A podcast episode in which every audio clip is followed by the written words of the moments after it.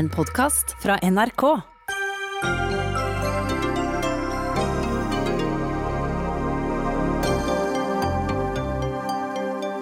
Til tross for at vi lemper på de strenge smitteverntiltakene over påske, advarte også helsemyndighetene i dag om at det kan komme nye smittetopper. Prisene fyker til værs, store land overbyr hverandre og piratkopiene de florerer. Kampen om smittevernutstyret på det internasjonale markedet spisser seg til. Får Norge tak i det vi trenger til vårt helsevesen?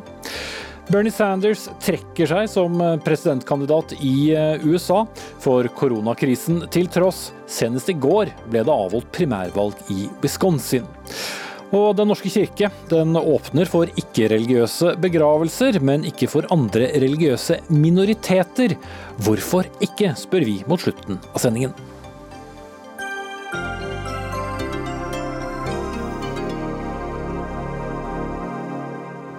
Ja, Da sier vi eh, god onsdagskveld og velkommen til ukens eh, siste Dagsnytt 18 før eh, påskehøytiden setter inn.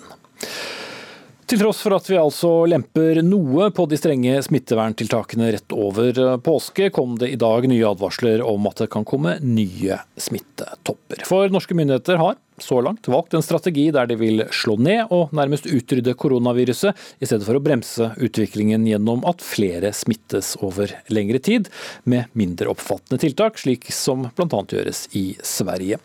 Likevel hersker det stadig en viss forvirring om eh, hva slags fremtidsutsikter som ventes. Og Camilla Stoltenberg, direktør i Folkehelseinstituttet, det har blitt brukt bilde med at vi nå har vært på toppen og skal trå forsiktig ned. Men er det så sikkert at denne toppen er nådd, da? Det har vært en topp, og vi er på vei ned fra den. Den var ikke stor, og vi er ikke sikre på om det kommer nye topper eller ikke. Vi er, ganske, vi er helt sikre på at det vil komme ny smittespredning, og at det er sannsynlig at det vil komme nye topper, og at det helt sikkert vil skje hvis vi ikke klarer å ha de rette tiltakene. Mm. Eh, men det å åpne skolene og barnehagene, som ble poengtert eh, i går, det ville alene ikke ha særlig stor påvirkning? Det vet vi jo heller ikke helt sikkert. Men det vi vet er at kunnskapsgrunnlaget for å stenge skoler og barnehager er ganske svakt, og at eh, barn ikke så ofte, eller ikke, nesten ikke i det hele tatt, blir alvorlig syke. Heller ikke barn med alvorlig sykdom blir alvorlig syke, ser det ut til. Og Det betyr at det er et grunnlag for å kunne ha godt smittevern og drive skoler og barnehager på en måte som ivaretar det, og kanskje da ikke er dårligere enn de smittetruslene som også finnes når barn er hjemme og skole og barnehage er stengt. Ja, nettopp det du sier her, Stoltenberg, med at barn eh, ikke blir så uh, syke. Hva forteller det oss om noe når det gjelder uh, f.eks. muligheten for immunitet? Det i seg selv gir ikke et helt entydig signal. for Det har vært sammenlignet med f.eks. situasjonen med vannkopper. Da blir heller ikke barn så syke. De kan til og med få veldig lette symptomer. Likevel blir de immune, og det er en varig immunitet. Men i dette tilfellet, når det gjelder koronavirus, så vet vi altfor lite om immuniteten. En viktig grunn til det er at det har ikke vart lenge nok. Så det er et nytt virus og en epidemi som egentlig er i begynnelsen, i en tidlig fase. Mm. For Noen har pekt på da, akkurat når det gjelder barn, at de, eh, fordi de ikke blir så syke, kanskje også da eh, kan smittes eh, flere ganger. Dette vet vi rett og slett ikke nok om. Men eh, så lenge de ikke blir alvorlig syke og kanskje ikke merker noen ting i det hele tatt, så er jo det i og for seg ikke så farlig. Men eh, det som er eh, litt usikkert, er i hvilken grad barn bidrar til å spre smitte. Men det er i hvert fall ikke slik at de sprer smitte noe mer enn voksne gjør. Mm. Befolkningen må forberedes på at epidemien vil komme, skriver dere i deres egen rapport. Hva ligger i det? Trodde epidemien var her. Det er litt spørsmål om hvordan man bruker begrepet epidemi. Det er vanlig med teknisk beskrivelse av hva som skjer, å si at det er et utbrudd inntil det på en måte er utbredt i befolkningen, og at man da kaller det en epidemi. Men det er også ganske vanlig med daglig tale å kalle det epidemi hele tiden. Og det heter jo allerede pandemi, fordi det er så utbredt i så mange land i hele verden. Så, så det er ikke så viktig med de tekniske begrepene, men det er ganske viktig å forstå at det fortsatt er en liten andel av befolkningen befolkningen som har vært og er smittet. Mm. Så det du sier er egentlig at det kan da komme mye mer? Det er det som ligger i den formuleringen? Ja, det kan komme mye mer. Og, og jeg vil si at det er ikke ny informasjon. Det er heller ikke nytt at det står i vår risikovurdering. Det har stått i alle risikovurderingene at slik vil en epidemi av denne typen utvikle seg. Og disse fasene vil den gå igjennom. Og så kan man kanskje holde dem igjen. Og, og, redusere det og ha si, reduksjon i antall smittede, sånn som vi øh, ser nå. Men det å greie å ikke ha noen smittede når man har den type virus, det er egentlig så godt som utenkelig. Mm. Og dermed mm, selvfølgelig da den usikkerheten om, om, varigheten. Men ut fra de tiltakene vi da nå har, vi åpner litt, men ganske strenge tiltak eh, likevel, da er det egentlig det eneste som kan få slutt på smitten, er en vaksine når og hvis den kommer? Ja, det er en eh, trygg måte å gjøre det slutt på denne epidemien på, hvis man klarer å utvikle en vaksine som virker. Eh, og det er jo det har aldri vært en bedre posisjon for vaksineutvikling enn det vi ser i dag. Eh, det var tenkt på mekanismer for å få tidlig fart på vaksineutviklingen, og de ble tatt i bruk. Vi har bl.a. CP, altså den norske eller ikke bare norske, men norsk initierte eh, vaksineutviklingsmekanismen, som gjør at det nå allerede er flere kandidater som har gått videre. Altså vaksinekandidater. Men helt sikre på at man får en vaksine, kan man ikke være, og man kan heller ikke vite akkurat når det kommer.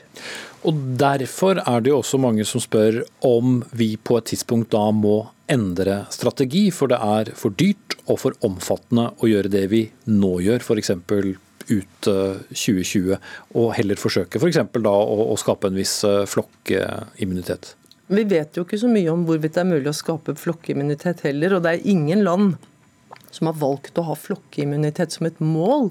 Det kan hende at det blir en konsekvens, men det forutsetter jo at man får den type immunitet. og Foreløpig vet vi som sagt litt for lite om immuniteten. Så vi vet heller ikke hvor mye vil den variere mellom enkeltindivider, hvor lenge vil den vare, og hvor spesifikk vil den være. Vil den være knyttet til de variantene av koronavirus som vi ser i Norge i dag, eller i verden i dag, eller vil den også kunne eh, gi immunitet mot andre varianter? Alt dette er uavklart. Og Det er jo da forskjellige strategier, for det er egentlig dit jeg vil på vei. Vi har jo det nå, som er en slags eh, slå ned og, hold nede-strategi. Og så har vi en slå ned-strategi og en brems-strategi.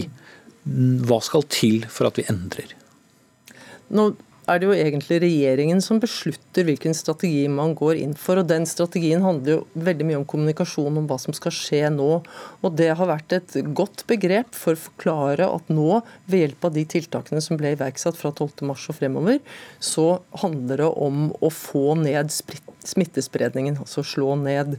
Eh, nå er vi over for så vidt i en fase der det handler om å holde nede, hvis man skal holde på det nivået. Men samtidig så har jo regjeringen sagt det som også er reflektert i våre risikovurderinger, at man er nødt til å følge med hele tiden.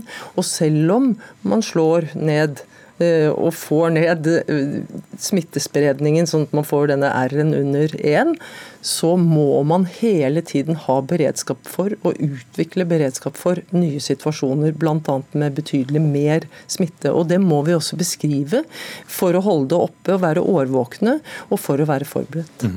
Ja, og Det er selvfølgelig riktig som du sier at det er politikerne som avgjør, men eh, dere kommer jo da med, med anbefalinger eh, og forskjellige eh, strategier. og Ifølge Filter nyheter, nettstedet, så kan deler av rapporten dere som ble frigitt i går, lese som at smittevernekspertene var skeptiske til de drastiske tiltakene tiltakene fra snart en måned siden? Det er ikke helt riktig, fordi vi var helt enig i at det var behov for omfattende tiltak på det tidspunktet. Eh, og at det var klokt å iverksette dem på et tidlig tidspunkt. Men det var diskusjon om enkelte tiltak, bl.a. dette med skole og barnehage, og særlig da barneskole og barnehage. Hvorvidt det ville virke Eh, og som det var verdt å gjøre det pga. de store kostnadene det har både for de enkeltindividene, barna som ikke får gå på skole, familiene, men også for samfunnet, samfunnsøkonomien. Så det var ikke nødvendigvis akkurat den strategien som dere anbefalte, det var en beslutning som ble tatt? Det var en beslutning som ble tatt der man tok andre hensyn. Det har jo regjeringen vært ganske uttrykkelige om. og Bl.a. så ble det tatt hensyn til at det var en del kommuner, skoler, foreldre som holdt tilbake barna, som begynte å stenge skoler selv, og at det var behov for det. Og også at de ønsket å være føre var. Med den usikkerheten som, som, ligger for eh, fremtiden, ser dere faren for at eh, mange foreldre over påske likevel vil velge å holde barn hjemme fra barnehage og de lavere skoletrinnene? Det vi driver med i Folkehelseinstituttet nå, det er jo først og fremst å se på hvordan kan man drive skole og barnehage på en måte som er trygg, i hvert fall like trygg som alternativet. Og det tror vi er mulig. Eh, vi mener det er mulig. Og vi tror også det er viktig for å klare å holde tiltak ved like eh, og holde engasjementet oppe for tiltak over tid. Fordi at det å ha stengte skoler og barnehager gjør at mange ting i livet blir så umulig, og mange barn har det så vanskelig at det nytter ikke I tillegg til de enorme samfunnsøkonomiske kostnadene. Så Hvis vi tenker på det langsiktige perspektivet her, så blir det det å finne en måte å drive skole og barnehage på som er god og forsvarlig og trygg, og så blir det å følge nøye med på hvordan det slår ut på eh, det å holde eh, smittespredningen nede. Mm. Og I rapporten deres uttrykker også frykt for at folk kan forlange en sånn garanti mot smitte dersom de skal gjenoppta deltakelsen i skole, men også i, i arbeidsliv. Hva mener dere egentlig med det? Det vi mener er at det er viktig å formidle at det finnes ingen garanti mot smitte, og det er ingen tiltak som er absolutte i en sånn situasjon. Mm. Eh, så helt til slutt da, Camilla Stoltenberg. Eh, når vil vi få en ny helhetlig vurdering? Skal vi da helt fram til mai, eller vil det kunne komme raskere om, om strategien videre? Ja, Det er jeg litt usikker på faktisk hva som blir datoen, men jeg har oppfattet at det egentlig kommer tidligere enn det. At det kommer allerede i slutten av april. Vi er i hvert fall klare når som helst, så vi mm. jobber med dette kontinuerlig. Takk skal du ha, direktør i Folkehelseinstituttet, Camilla Stoltenberg. Dagsnytt 18 alle hverdager kl 18.00 på NRK P2 og NRK2.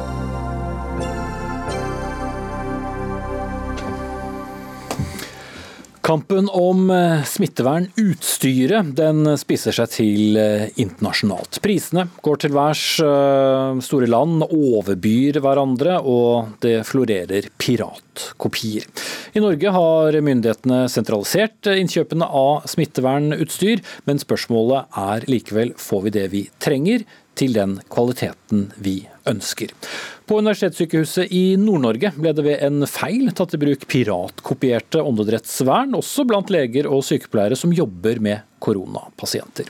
I en Facebook-post som ble delt flere tusen ganger siden i går, tar en av intensivlegene et hardt oppgjør med mangelen på et pandemilager i Norge. Lill Sverresdatter Larsen, du er leder i Norske Sykepleierforbund og har vært i kontakt med noen av de helsearbeiderne som ble rammet av dette. Hvordan vil du karakterisere det som har skjedd? Ja, Sykepleierne beskriver det som en eh, særs kjedelig situasjon å være i. selvfølgelig. Altså, det gjelder jo både lederne og de ansatte. Um, de er jo trent til å stå i denne situasjonen. De er allerede på jobb med lange vakter med fullt smittevernutstyr. Fysisk tungt, du får ikke tatt til seg væske eller gått på do i løpet av vakta. Og de er likevel motivert til en innsats. Men det de er helt, helt avhengig av, er at smittevernutstyret som de faktisk har, er godkjent og trygt. Både for å sikre seg selv og kollegaer og pasienter. Så det er klart at situasjoner sånn som du på UNN og tidligere OUS skaper en unødvendig belastning i en allerede tøff situasjon. Ja, for dette er ikke det eneste tilfellet. Jeg har hørt også eh, rapporter om, om, andre typer utstyr som er uh, blitt stanset, eller som ikke virket som uh, forventet. Og, og hvorfor dukker dette opp nå, tror du? Det er jo fordi vi ikke har en, en nasjonal beredskap eh, knytta til smittevernutstyr eh, på forhånd. Eh, så, og vi har ikke Vi skaper det eller produserer det i veldig liten grad sjøl. Så generelt så har vi jo fått tilbakemeldinger både fra sykehus og kommuner om at de ikke har hatt nok eller hensiktsmessig smittevernutstyr. Så har det, det er jo et nasjonalt innkjøpssystem som kvalitetssikrer utstyr i flere ledd, gjennom da Helse Sør-Øst som har fått, fått det ansvaret. Men arbeidet for å sikre utstyret er jo både omfattende og tidkrevende. Og noen eh, tilbakemeldinger som vi har fått, er at det har tatt for lang tid, sånn at de faktisk har gått fri, og dermed har sett seg nødt til å gå utenom det nasjonale innkjøpssystemet. Mm. Om det hva som har skjedd på UNN, eh, er det jo selvfølgelig UNN sin ledelse sjøl som kan svare på. Selvsagt. Kunne dette vært unngått? Det kunne vært unngått om vi hadde hatt et eh, nasjonalt beredskapslaget, som også innbefatta smittevernutstyr og legemidler. Mm. Espen Rostrup Nakstad, assisterende helsedirektør. Hvordan er utstyrssituasjonen nå? Utstyrssituasjonen nå er mye bedre enn den var for noen uker siden. Men det er fortsatt stort forbruk og stort behov for nye leveranser. Og, Det er jo helt riktig det som blir sagt her, at trygt smittevernutstyr det er jo helt avgjørende for å kunne gjøre en god jobb i hele helsesektoren. Eh, og det er en vanskelig situasjon i hele verden med dette utstyret. Eh, og Normalt er dette noe man anskaffer selv. Det er noe av forklaringen på hvorfor det dukker opp litt sånn andre typer utstyr som ikke har gått gjennom den felles ordningen. Men, eh, men, det er en utfordring som det jobbes med hele veien, og som er like viktig i dag som for fire uker siden. Det lageret vi har nå, da må det oppdateres kontinuerlig, eller har vi et lager nå som kan vare en stund? Altså, eh, sånn som det fungerer nå, er at det er Helse Sør-Øst som koordinerer dette med innkjøp eh, med god hjelp av Vinor og UD. Også når da eh, varene kommer til Norge, og de kommer stort sett med fly fra Kina, så går de gjennom en veldig grundig kvalitetskontroll for å sjekke at dette er tipp topp og i henhold til alle krav.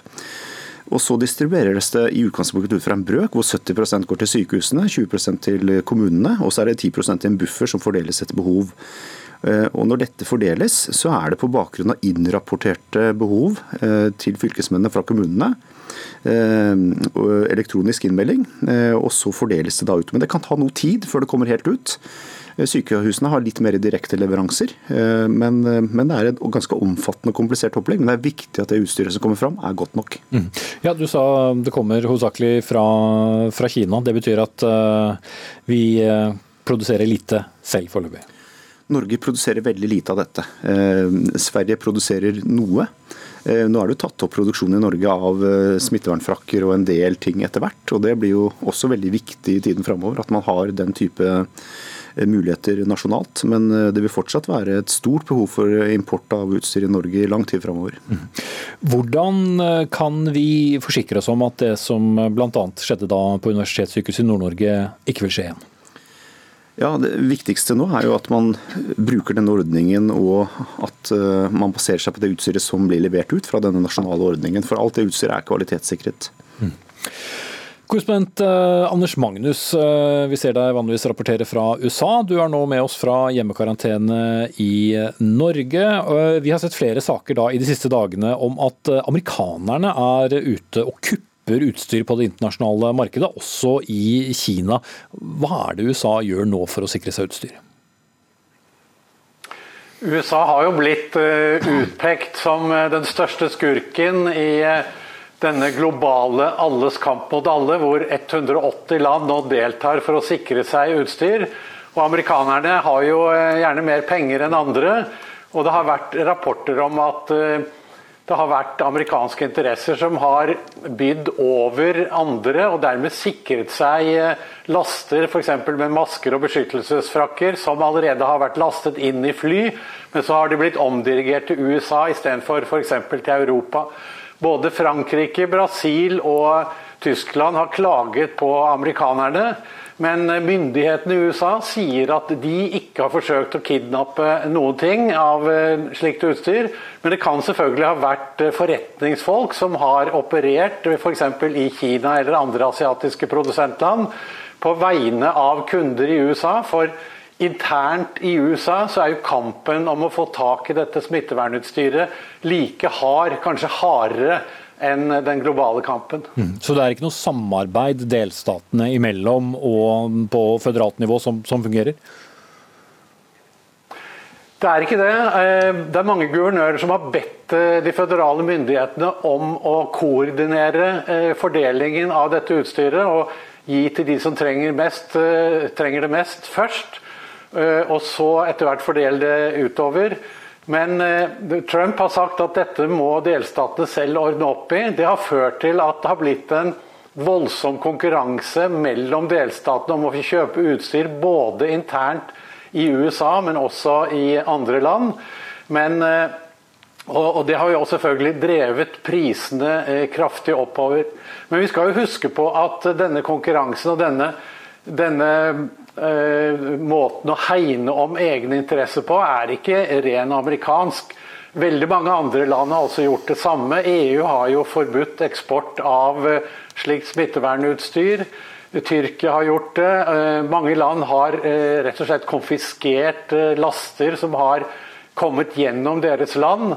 Så, så, amerikanerne er kanskje verst men, og rikest, men de er absolutt ikke alene om dette. Mm. USA har også brukt en gammel lov fra Koreakrigen for å tvinge amerikanske selskaper til rett og slett å dirigere utstyr hjem. Forklar kort til slutt hva det er. Det er en lov som sier at myndighet, de føderale myndighetene kan beordre eh, private selskaper til å produsere for det amerikanske markedet. Eh, først og fremst så er det kanskje det selskapet som heter 3M som har fått merke dette. De har produksjon både i Singapore, Kina og Thailand. Og denne produksjonen vil nå amerikanske myndigheter skal gå direkte til USA. Og blant andre Tyskland skulle hatt, kanskje hatt noe av det. Eh, nå skulle Latin-Amerika hatt noe av det, og Canada også. De klager jo over at ikke de får disse leveransene. Men eh, Trump eh, går hardt ut mot 3M og sier at de må produsere for USA. For det er USA som trenger det aller mest i dagens situasjon. Og det kan jo også smittetallene og situasjonen ved sykehusene i USA bære vitne om. Mm. Steven eh, Fu, du er selv importør og en av dem som den siste tiden har eh, prøvd å få smittevernutstyr fra nettopp Kina og hit. Hvordan har du opplevd denne situasjonen med aggressive oppkjøpere på, på markedet? Ja, Vi eh, har et kontor i Kina, i Kanton-provinsen. og Våre folk er jo i førstelinja. Og Vi opplevde den 20. mars at vi hadde avtalt om kjøp av et parti av en 95 masker. Så de det ble snappet opp av Walmart, som betalte kontant. De møtte opp fra fabrikken med penger i koffert og betalte kontant og snappet partiet foran oss. Mm. Og Da måtte vi legge om. Eh, jeg måtte rett og slett skaffe kontant betaling i Kina for å kunne konkurrere med, med oppkjøpere. Mm, så så tett uh, er, er, kampen. Det har også blitt oppdaget uh, piratkopierte masker flere steder. Uh, ut fra hva du vet, Er det mer piratkopiert utstyr i omløp nå enn en ellers? Ja, det er helt klart at når prisene har gått opp 400-500% så er det en god del piratkopier Eh, dette er altså ikke lisensierte varer.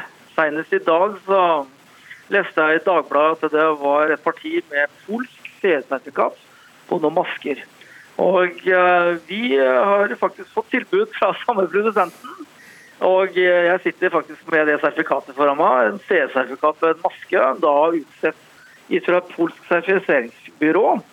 Men som profesjonell importør så har jeg ansatt i Norge, som da har gått inn eh, i registeret til dette polske sertifiseringsbyrået, og så finner jeg ut at eh, dette er rett og slett fake. Mm.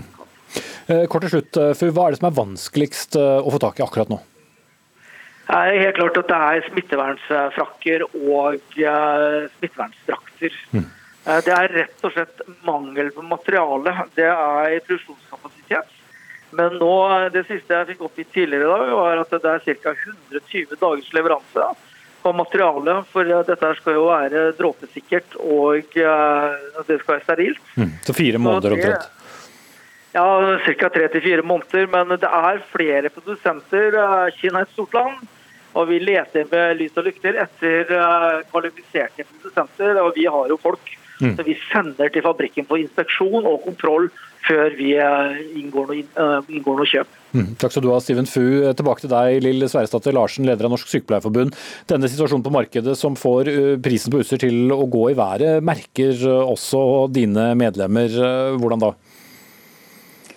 Det gjør det, men jeg ville bare også skyte inn. Dere hører den risikoen som, eh, som sykepleiere og annet helsepersonell også står i. Eh, bare merker dere, dere, den også. Men eksempel som jeg hørte på mandag, var bl.a. om ansatte i noen kommuner som hadde fått en eh, e-post med beskrivelse altså fra sin leder da, med beskrivelse om at de måtte spare på smittefrakkene, fordi prisen i løpet av kort kort tid hadde steget fra 80 øre per frakk til 80 kroner. Så det er klart, vi, vi kan ikke spare oss til fant heller på sikkerheten til, til helsepersonell uhell. Og Det er derfor jeg mener det er helt nødvendig at vi også må se på i etterkant. Nå må vi håndtere det sånn som det er, eh, men vi er nødt til å vurdere en, eh, et pandemiberedskap i etterkant som også ser på hva vi er nødt til å være selvberga på, og hva vi kan produsere i Norge, og ikke minst hva slags kompetanse som er nødvendig. Mm. Ja, Nakstad bruker vi nå så mye ressurser på å skaffe oss det vi trenger, at det er vanskelig også å kjøre et parallelt løp med å, å bygge opp et lager? Uh, nei, jeg tror, tror altså, Nå jobbes det på bred front. Man skaffer det man kan. Man produserer det man kan i Norge. Eh, meg bekjent står dette overhodet ikke på penger. sånn at det er ikke prisen det koster, men det er rett og slett hvor mye man har, eh, som, som, er den begrensende faktoren akkurat nå. Og For ettertiden må vi jo ta diskusjonen om dette med beredskapslagre selvsagt, i Norge. Det, Finland har et lager nå som de nyter godt av, men Sverige har hatt det tidligere. De fleste land har nok hatt det på 80- og 90-tallet, men eh, det er også noe med eh, den makroøkonomiske tenkningen med rullende lager og, og at uh, ting på lager er tapt kapital, som vi nå får litt svi for i hele verden også. Så det, mm. det er helt klart et poeng. Ja, ja Finnene har dette pandemilageret sitt og, og, sier at de ikke kommer til å gå tom. Det, det, er et land vi grenser til. Hvor, hvorfor har ikke vi det i Norge, spør folk. Nei, altså Dette er en politisk beslutning. Altså Dette ligger jo mange år tilbake. og Dette er jo eh, rett og slett en stortingsbeslutning. Hvor mye penger skal man bruke Norge på beredskap og på utstyr som kanskje må kastes eller brennes? Jeg hørte at i Sverige så var de veldig store lagre av munnbind og andresvern ble jo brent og brukt i fjernvarmeproduksjon uh, for ganske mange år siden. Men altså, det sier jo litt om at tenkningen rundt dette har endret seg. Da. Mm. Og uh, Larsen, jeg tipper du fort også vil ha noen forsikringer om at vi ikke gjør en slik tabbe igjen? Jeg ønsker selvfølgelig at, at, vi ser på og gjør gode evalueringer i etterkant på hvordan vi kan gjøre det. Vi kan stå sterkere ved en neste pandemi. Jeg setter eh, strek for eh, denne samtalen eh, der. Det er altså en alles kamp mot alle for å få tak i nok smittevernutstyr. Takk til Espen Rostrup Nakstad, assisterende helsedirektør, Lille Sverresdatter Larsen, som er leder i Norsk Sykepleierforbund, Anders Magnus, vår USA-korrespondent, som skal bli med oss litt til, og Steven Fu, som er importør for det som heter Orient Holding.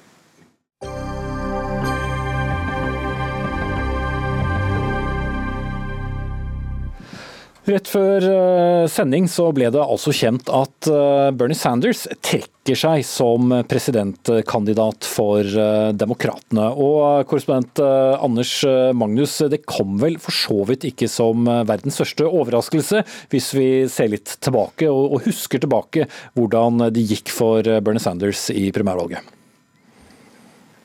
Nei, det har gått veldig dårlig for Bernie Sanders helt siden supertirsdag for noen uker siden. Og eh, Nå var det jo eh, primærvalg også i Wisconsin i går.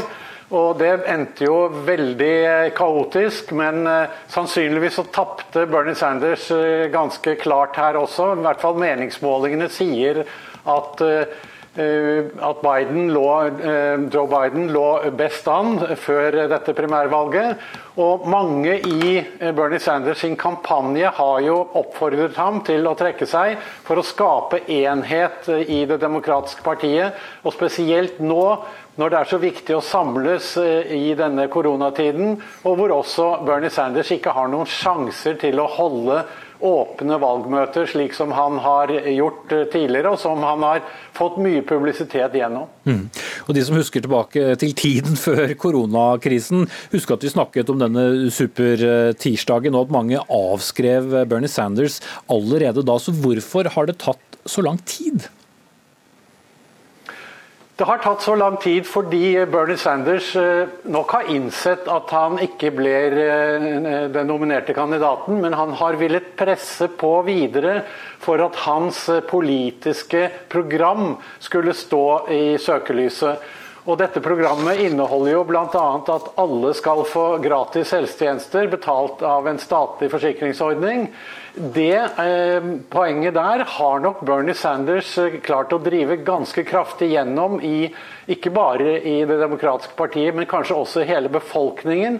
Særlig nå i disse pandemitider. Så eh, han har vel også skjønt at eh, ved å trekke seg nå, så får han en slags goodwill i partiet, og kan også fortsette innad og overfor resten av befolkningen. og kjøre dette eh, poenget om eh, helsetjenester for alle, som jo er blitt mye mer populært i USA nå enn det var før pandemien. Mm. Takk skal du ha, Anders Magnus. Sofie Høgestøl, førsteamanuensis i rettsvitenskap ved Universitetet i, i, Oslo, og en ivrig bivåner til, til valgkampen i USA. Altså, da står jo Joe Biden alene igjen som presidentkandidat for uh, Demokratene. Men uh, altså, valg er det jo i november. Hva er det som skjer videre da? Nå skjer det ganske mye. Nå ser vi at den spliden om hvordan man skal gjennomføre valget i november, har allerede begynt. Og det så vi i Wisconsin i går. For det er mange som nå tar til orde for at, vi, at man ikke vet hvordan smittefaren vil være i november. At man kan få en ny bølge med smittefare i høst. Og det medfører at man ikke kan gjennomføre valget på en normal måte. Og da er spørsmålet hvilken type beredskap skal man sette inn for å kunne gjennomføre et valg? For det vi så i Wisconsin i går, var at det var ganske kaotisk å prøve å gjennomføre et valg midt i en pandemi. Eh, og den spliden har begynt. Eh, det så vi, Jeg så på pressekonferansen til Trump i går.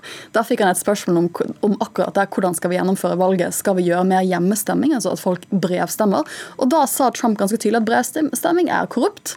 Det er fusk, og han liker det ikke. Eh, og at det kan medføre at folk sitter hjemme og forfalsker stemmer. Eh, og så var det en av eh, journalistene som sa men stemte ikke du også ved brevstemme i valget i 2018? Og det, og det, gjorde han jo. Så det er jo noe man allerede gjør. Men det er mange demokrater da særlig som mener at vi må bygge ut dette systemet og gjøre det slik at folk kan stemme hjemmefra via en brevseddel. Mm. Men uh, rent uh, praktisk så har vi da en primærvalgkamp hvor, hvor man skal velge da, uh, selvfølgelig da kandidatene for henholdsvis det demokratiske og det republikanske partiet. Må disse primærvalgene likevel fortsette for at vi skal kunne ha et gyldig presidentvalg? Nei. Um, altså Demokratene kunne jo teorien ha valgt en annen person uh, enn de som har stilt til valg så langt på sitt landsmøte, som skal holdes om noen måneder. Uh, så det står de fritt til. Uh, og Man ser jo allerede at 15 delstater har utsatt primærvalget sitt. Eh, og det er et spørsmål om det kommer til å skje noen primærvalg nå som eh, Bernie Sanders har trukket seg. Jeg brukte litt tid før jeg kom i studio på å høre på Bernie Sanders en video hvor han kunne gjøre at han trekker seg. Og da sa han veldig tydelig at han syntes ikke det var forsvarlig når han så at han ikke kunne vinne denne valgkampen og avholde valg i denne krisen, sånn som det er nå. Mm. Hilde Restad, førsteamanuensis ved Bjørknes eh, høgskole. Hvordan vil da denne beskjeden som kom i dag virke inn på resten av eh, valgkampen, som jo for all del drukner litt eh, i den store koronakrisen? Ja, altså, Joe Biden har en vanskelig jobb nå. Han har hatt en vanskelig jobb de siste ukene. fordi at han har jo ikke hatt en offisiell rolle å spille. Han har på en måte bare sittet på biblioteket sitt i huset sitt eh, bak en talerstol. Men eh, så nå, det at Bernie Sanders trekker seg, det hjelper Joe Biden eh, betydelig. fordi nå har han plutselig en offisiell rolle som motkandidaten til Donald Trump, som den offisielle stemmen til det demokratiske partiet. Og det, det tenker jeg det, det, er nyttig for dem. Det er jo sånn at de, de eh, amerikanske partiene har egentlig ikke partiledere på den måten vi er vant til i Europa. Så Det demokratiske partiet har nå fått en leder, i og med at Joe Biden er de facto presidentkandidaten. Og da vil han, han, Hans uttalelser og det han gjør, vil da ha en mer offisiell rolle som motparten, opposisjonen, til uh, Trump sitt uh, hvite hus. Mm. Uh, og Det gir han da mer medieplass, mer viktighet, som du sier, Resta. Men Donald Trump dominerer jo totalt. Han er populær på målingene. Hvor gode muligheter vil Biden ha fremover? Nei, Så lenge denne pandemien foregår, så er jo all eyes på eh, Donald Trump og også på guvernørene. Eh, som f.eks. Andrew Cuomo i New York og Gavin Newsom i, i California. Sånn at det er klart at sånn, Hvis man tenker sånn mediemessig hvor mye oppmerksomhet får Joe Biden, så eh, kynisk eh, tankegang, så vil da ikke det selvfølgelig gagne nødvendigvis Joe Biden. For det vil ikke være så mye oppmerksomhet på valgkampen.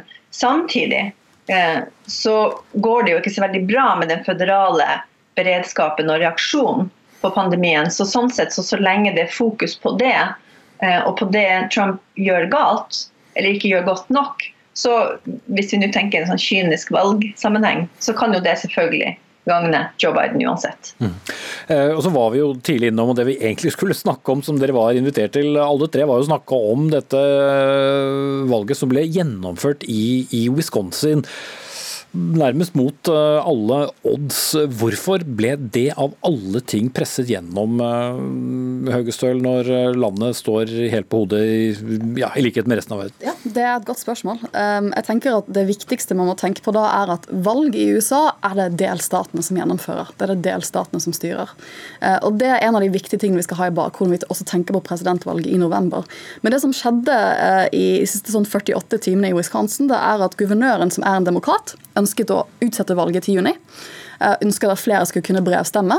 Mens den folkevalgte forsamlingen i Wisconsin, som har en flertall av republikanerne, ville gjennomføre valget. Og så ble det en juridisk splid av det. Og så for å legge et ekstra lad med vanskelighet, så ble det én rettssak foran høyesteretten i Wisconsin. Og så ble det en, et annet juridisk spørsmål foran amerikansk høyesterett.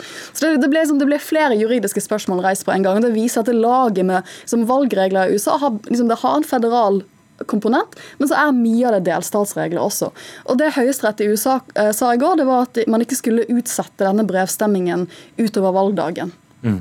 Og, og, Hilde Restad, bare det å skulle holde to meters kø i lange køer for å stemme av, eh, ses jo på som litt av en utfordring alene. Er det i hele tatt forsvarlig å avholde valg?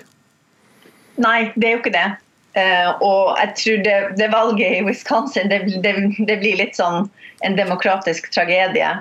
Uh, som jeg, jeg vil tro at ikke mange delstater ønsker å, å repetere. Men det vi dessverre har sett uh, de siste syv årene egentlig i amerikansk politikk, siden en viktig høyesterettsavgjørelse i 2013, Shelby County v. Holder, er at det republikanske partiet, delstater som har republikanske delstatsforsamlinger eller guvernører eller høyesteretter eh, forsøker å legge begrensninger på den praktiske stemmeretten. Eh, og Det så vi et eksempel på her i Wisconsin, hvor den demokratiske guvernøren ønska å gjøre det enklere for så mange som mulig å stemme gjennom posten, mens den, eh, det republikanske partiet i Wisconsin ikke ønska å gjøre det sånn. Mm. Eh, og de, det her er en pågående debatt mellom de to partiene, hvor det republikanske partiet hevder at grunnen til at de ikke ønsker å gjøre det praktisk enklere å stemme i USA, er fordi at de er bekymra for eh, velgerjuks.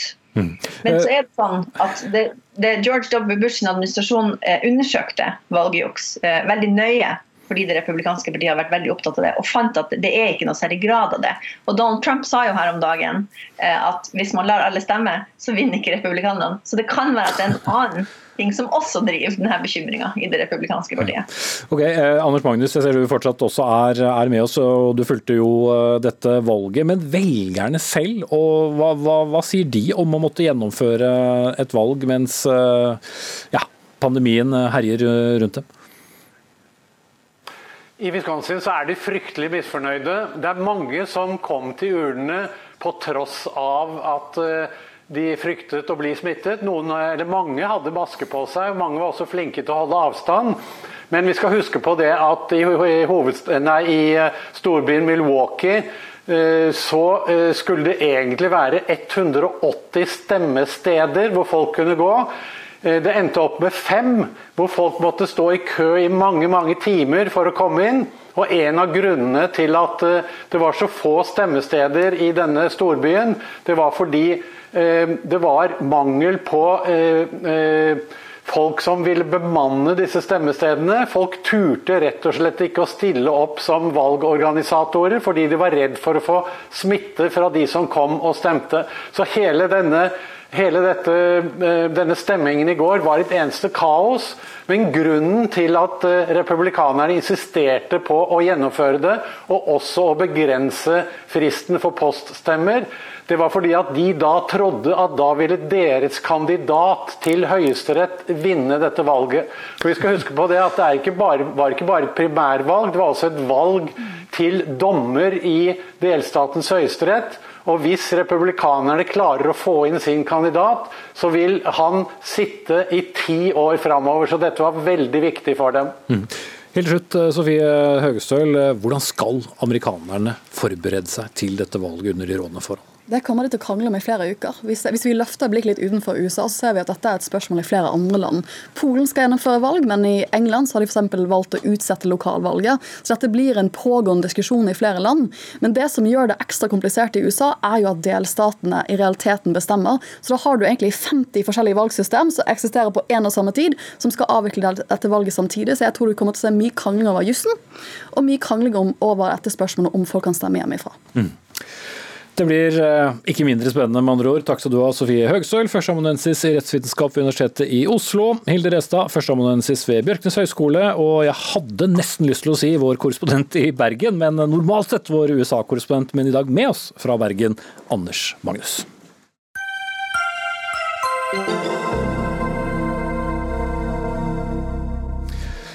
Mot eh, slutten av sendingen skal vi ha en prinsippdiskusjon, for Den norske kirke åpner nemlig sin kirke for ikke-religiøse begravelser, men ikke for andre religiøse minoriteter. Men hvorfor ikke? De rammes også av koronakrisen, sier en kritiker som kommer til oss.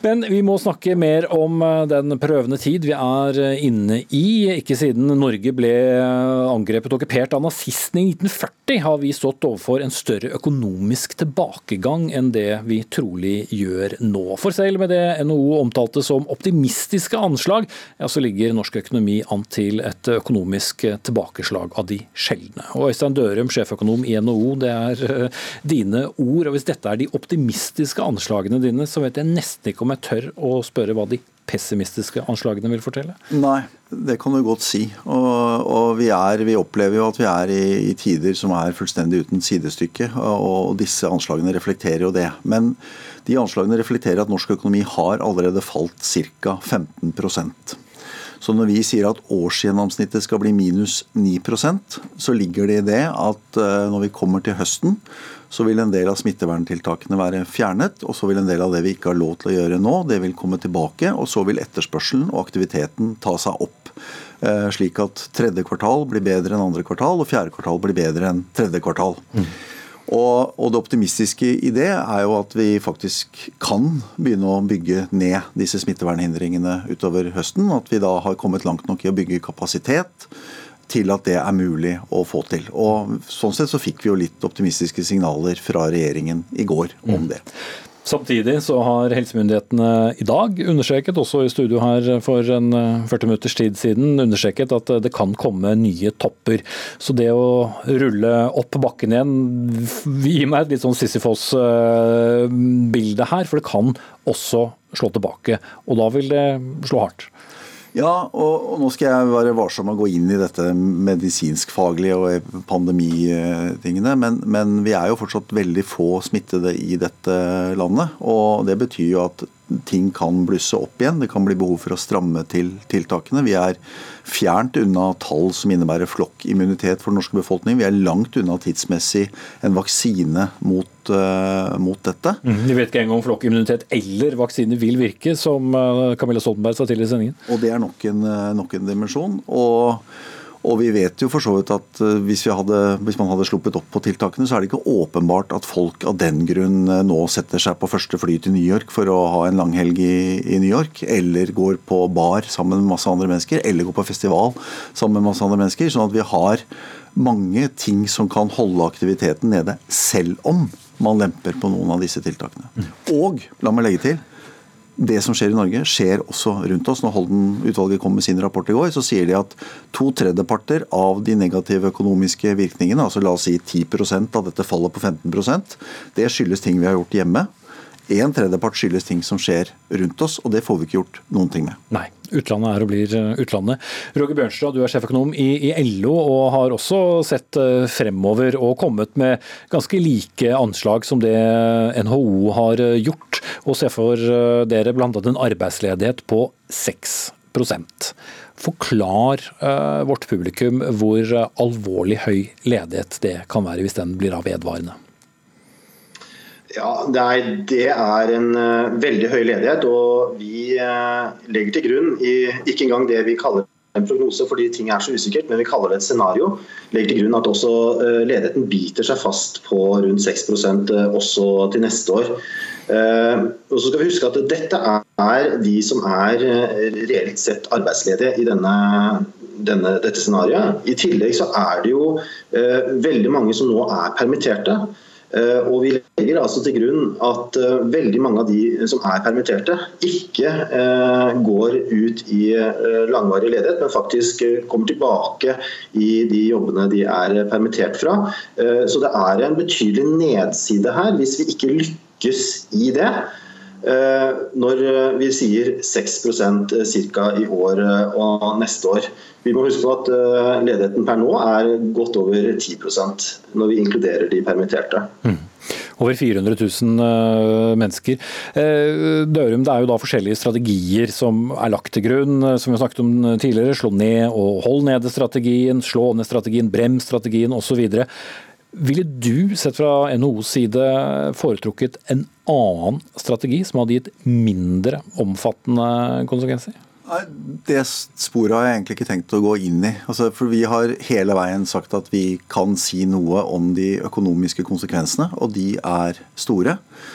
Men vi er ikke ikke kompetente til å si noe om den andre siden av saken, nemlig kostnadene ved et helsevesen som ikke klarer å levere oppgavene. Man kan godt si at liksom, Vi har en samfunnskontrakt som bl.a.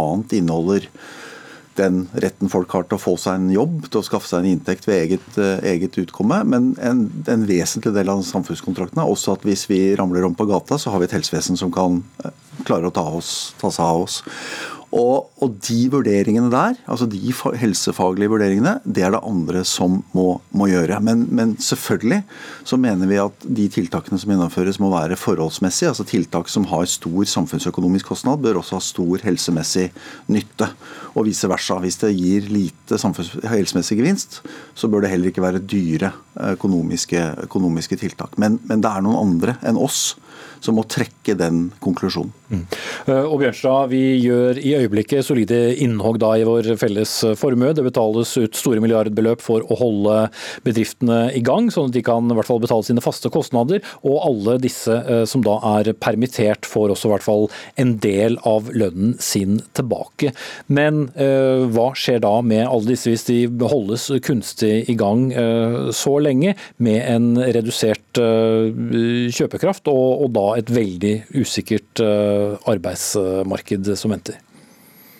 Ja, du kan si at Den, eh, den fasen vi er inne i nå, eh, hvor vi har såpass strenge smitteverntiltak, men hvor vi også tror at vi må leve med smitteverntiltak som varer lenge, så er det først og fremst viktig at bedriftene holdes i live, at arbeidsplassene er der når eh, vi lemper på tiltakene, slik at eh, de permitterte kan komme tilbake til de jobbene de hadde. Hvis vi ikke lykkes med det, ja da blir også uh, gjeninnhentingen etterpå veldig krevende. Neste fase så må vi regne med at vi også får betydelige negative ringvirkninger av denne nedstengningen. Hvor folk som har mistet jobben, har gått ned i inntekt hvor etterspørselen fra bedriftene, enten om det er til eh, rettet mot andre bedrifter eller for å investere, har gått betydelig ned. Men også pga. Eh, lavere oljepris og lavere oljeinvesteringer. Og eh, redusert etterspørsel fra utlandet som retter seg mot vår eksportindustri og reiselivsnæring. De ringvirkningene de blir også alvorlige, og de blir langvarige. Og Det er i neste fase vi må passe på å stimulere økonomien og arbeidsmarkedet på en sånn måte at vi gjør ringvirkningene eh, minst mulig. Mm. Noe som vi skulle ha holdt på med nå utover våren, er også årets eh, lønnsoppgjør. Det er utsatt eh, til høsten. Jeg må også spørre deg, Roger Bjørnstad, hvordan endrer den situasjonen vi er inne i nå, det oppgjøret som kommer? Nei, Det har eh, hatt eh, rene praktiske konsekvenser ved at vi har måttet utsette selve lønnsforhandlingene. Og eh, Det er fastsatt til august, men vi vet jo ennå ikke hvor lenge disse smitteverntiltakene vil vare, eller når vi for den saks skyld oppnår masse, flokkimmunitet, slik at vi kan gjennomføre ting på en normal måte. Og så har det selvfølgelig konsekvenser hva slags økonomisk situasjon Norge og arbeidsmarkedet er i. Mm. Når det gjelder krav rett og slett til oppgjøret som i første gang går i privat sektor? Ja, LO har alltid tatt ansvar for samfunnsøkonomien og for norsk økonomi. Eh, den situasjonen vi er oppe i nå, er, eh, er, uten sidestykke. Eh, og jeg kan jo ikke si nå hvordan dette vil prege lønnsoppgjøret til høsten. Mm. Men Øystein Dørum, det er klart at det er mange av deres medlemmer som vil tenke at det, noe, det kan ikke bli noen lønnsfest i år? Nei, altså, som, som, Roger var innom her i stad, nå, nå, nå, handler veldig mye om å holde bedriftene flytende. Altså, nå har vi en rekke medlemsbedrifter som har større utgifter enn, enn de har inntekter. og Derfor så fikk man på plass kompensasjonsordning som skal holde disse bedriftene flytende, slik at folk flest har en jobb å gå tilbake til når dette en gang er, er over. Men eh, det, det, er klart at det kommer til å være trange tider for store deler av, av norsk næringsliv. Men med det så vil, vil, jeg heller ikke si noe om hva det betyr for lønnsdansen. Jeg skjønner det er en del av, eh, av, Den av spillet. Er eh, parkert for the time being. Mm. Noe av det som redder oss litt inn nå, er jo en lav uh, kronekurs, uh, som redder i hvert fall en del bedrifter. Men avslutningsvis, vi var jo inne på litt den Sisyfos-sammenligningen her nå. Opp oppbygningen av norsk økonomi hvis vi ikke skulle få eh, noen store tilbakeslag. Den vil likevel ta ganske lang tid, i og med vi får det fallet som vi gjør nå. Ja, og dette er noe, for eksempel, Du startet med å spørre og dette er et optimistisk scenario. Så tenker jeg ja, det, er, det hviler på en sånn optimistisk forutsetning om at eh, selve pandemien eller koronaepidemien i Norge vil være tidsavgrenset. og Når vi er ferdig med det grøvste der, så er det nøkkelen i døra, og så går folk tilbake til de jobbene de er permittert fra. Og, og, vi har en del erfaringer fra tidligere kriser. Jeg var nyansatt konsulent i Finansdepartementet høsten 88. Da økte ledigheten med 10 000 i måneden. Det store krakket, ja. Det store krakket. Vi syntes det var mye. Det var ikke sånn da at norske myndigheter ikke ønsket å få ledigheten raskest mulig ned. Men det fallet vi hadde i aktivitet da, var mye mindre. Og det tok fem år fra ledigheten begynte å øke, til den toppet ut. Til tross for iherdig innsats fra norske myndigheters side. Og hvis dette trekker ut, som også Roger er inne på, så vil permitteringer bli omgjort til oppsigelser. Unge vil møte stengte dører i arbeidsmarkedet, og de vil slite med det i lange perioder etterpå. Mm. Mye å vente på slett ikke med glede. Takk skal du ha. Øystein eh, Dørum, sjeføkonom i eh, NHO, og takk også til Roger Bjørnstad, sjeføkonom i LO. Hør Dagsnytt 18 når du vil. Radio NRK Radio.nrk.no.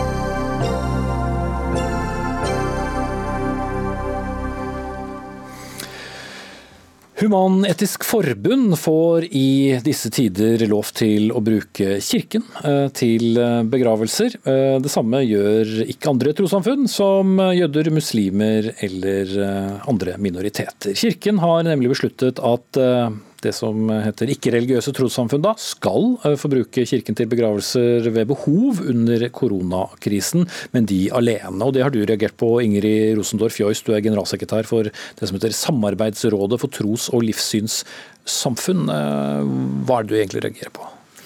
Nei, vi tenker Først og fremst så vil jeg jo si at det er raust og flott at norske kirke eh, åpner opp i en eh, krisesituasjon. Alle tros- og livssynssamfunn har vært raskt på ballen og ønsket å, å legge til rette for uh, uvanlige situasjoner i, i, koronatiden. Men vi tenker at siden det er en uvanlig tid, og det er ikke en, er ikke en teologisk endring som gjør at Norske kirke gjør, gjør om på reglene sine, men det er altså en situasjon hvor det humanitære får forrang, da hadde vi ønsket at det også kunne gjelde religiøse minoriteter. De er ofte eh, mindre og kanskje mer sårbare, og har vans større vanskeligheter med å rigge en, en begravelse når de nå nå de, eh, disse livssynsnøytrale, livssynsåpne seremonirommene da stenges. Human, Human-Etisk Forbund er en sterk organisasjon, kanskje enklere å få det til. Ehm, mens eh, de små tros, trossamfunnene, som er de religiøse minoritetene, kan ofte være mer sårbare. Så Vi hadde ønsket at det også kunne være at de kunne være, bli ønsket velkommen hvis det var behov for det i disse begravelsessituasjonene. Mm. Det er jo tross alt da kirker vi, vi, vi, snakker om. Eh, er det da gitt at hvem som helst skal få gå, kunne gå inn i et gudshus og ha en seremoni? Nei, det er jo ikke det. Eh, og det er Den norske kirke som bestemmer selv selvfølgelig om hvordan de vil bruke sine, sine kirker. Og De har en, noen regler på dette som, som, som er der vanligvis. og og De er for så vidt ikke oppe til debatt. Nå har de ønsket å gjøre noe i en krisesituasjon Eh, med, hvor det humanitære får forrang. og da, vi, da, tenker vi at da hadde det vært fint om de også innenfor rammen av at vi har et stort fellesskap av, på tvers av tros- eh, og livssynstilhørighet i Norge, og hatt det over mange år, at også de mindre og sårbare gruppene blir ønsket velkommen. Mm. Atle Sommerfelt, du er konstituert preses i Den norske kirke. Hvorfor ble det foretatt akkurat dette valget med at det skulle være de som ikke tror, som skal få bruke kirken? Ja, la meg først få si meg helt enig med Ingrid Troy. At uh, vi har et veldig godt og konstruktivt samarbeid, uh, alle de ulike tros- og livssynssamfunnene i Norge, som har blitt bygget opp over mange år, og som har gjort at det norske samfunnet jo har vært i all hovedsak fri for sterke religiøse konflikter. Så det er Bare okay. for at det er anerkjent. Og Så poenget. Så er det jo slik at vi forholder oss, eh, Norske kirke må jo forholde oss som et, eh, en, en, institusjon som har vært forpliktet på norsk lov, og som senere har blitt videreført i Kirkemøtets vedtak. Og Av de så ligger det altså veldig sterke begrensninger på bruk av kirkerommet. Eh, det er blitt åpnet de senere årene for ikke bare seremonier for Den norske kirke, men også andre kristne trossamfunn. Bare så det er sagt, så har jo skjedd en åpning de siste årene i forhold til å møte eh, livssynsmangfoldet innenfor Den kristne kirke. Så fikk vi meldinger fra Oslo bispedømme om at det var en helt spesiell situasjon hvor kommunens gravferdsforvaltning hadde i Bærum da, hadde stengt eh, krematoriet, og man ønsket og lurte på om man kunne få bruke en kirke. Og Det sa Oslo biskop eh, ja til, og fikk støtte for det. og Da ble formuleringen hos oss at ikke-religiøse trossamfunn i en krisesituasjon kan gjøre et unntak fra regelverket, som jo egentlig ikke finnes der. Det, det som er og jeg skjønner godt Ingrids eh, anliggende her. Det... Ja, jeg vil bare få fatt i hva som er liksom det praktiske skillet mellom de som overhodet ikke tror, og andre troende. Det, det, ja, det, første skillet er at veldig mange av de religiøse trossamfunnene samles jo i seremonirom. Og de eh, vil jo være like åpne som det kirken vil være. Det er det ene. Men det andre forskjellen mellom religiøse eh, og ikke-religiøse er jo at religiøse trossamfunn vil bringe inn religiøse symboler i kirkerommet som er annerledes enn de kristne. Det var det som gjorde at man da valgte denne løsningen. Mm. Uh, Joyce. Så, ja. så, vil jeg kanskje si at Ja, ja nei, jeg må slippe til Joyce, hvis vi har ikke så mye igjen av sendingen. Jeg tror det var et viktig poeng som kom frem der. og Det er at det er jo nettopp de livssynsnøytrale og livssynsåpne seremonirommene som skal ivareta de som ikke har egne kirkebygg eller andre bygg til å, til å ha disse begravelsene. Og Det er jo kommunen her som er ansvarlig for å begrave uh, for å begrave sine døde, enten de er religiøse eller ikke religiøse, om de tilhører et minoritets- eller et majoritetssamfunn. Så Det blir viktig, tenker jeg nå, eh, for det, setter, det kommer litt på spissen i, i, denne situasjonen vi er i med, med koronakrisen, at vi altså ikke har gode nok eh, lokaler for eh, et mangfoldig samfunn. Norge er et tros- og livssynsmangfoldig samfunn. Er, I Oslo er det færre enn 50% som er medlemmer i Den norske kirke. Alle de har nøyaktig den samme retten til en verdig begravelse og skal ikke bli henvist til svette gymsaler. Så vi er jo bekymret for Nå eh, hjelper du litt av da, med at eh, kirken i hvert fall åpner for noen? Og Det er, og det er prisverdig. Eh, samtidig så er det da mindre minoriteter som kanskje har denne svettegymsalen som sitt, e, sitt eneste alternativ. Mm. Men er, det, er, det, et stort problem? Og så er, er, er det, mange jødiske eller muslimske minoriteter som, som ville ønsket å ta i bruk kirken? Det vil gjelde de som da var, som kunne ha brukt et, et livssynsnøytralt seremonirom. Og Forhåpentlig så er jo ikke det så veldig mange, og forhåpentlig skal heller ikke denne situasjonen vare så lenge. Eh, og at vi kan åpne opp igjen disse, disse livssynsnøytrale seremonirommene. Men da må vi også ta med oss i evalueringen. Er kommunen godt nok skodd på tros- og livssynsfeltet når vi nå er blitt en mangfoldig by og et mangfoldig, mangfoldig land? Veldig kort til slutt, Sommerfelt, og da må du øh, være kort også. 15 sekunder. Ja, det, er, altså det er jo et øh, stort spørsmål, men det lille spørsmålet, som jo er det dramatiske spørsmålet, er hva vi gjør nå. Og Da handler det jo om at de aller fleste trossamfunn religiøse trossamfunn har et forsamlingslokale hvor det kan være fem til stede. Men så vil jeg si Nei, det kan du ikke, for nå er tiden ute, Sommerfelt. Og jeg må takke deg av. Atle Sommerfelt, preses i Den norske kirke. Ingrid Rosendorf Joyce, generalsekretær i Samarbeidet for tros- og livssynssamfunn. Beklager den brå avbrytelsen, men klokka går. Ansvarlig for sendingen Dag Dørum. Erik Sandbråten tok seg av det tekniske. Jeg heter Espen Aas. Vi ses igjen tirsdag etter påske. God påske.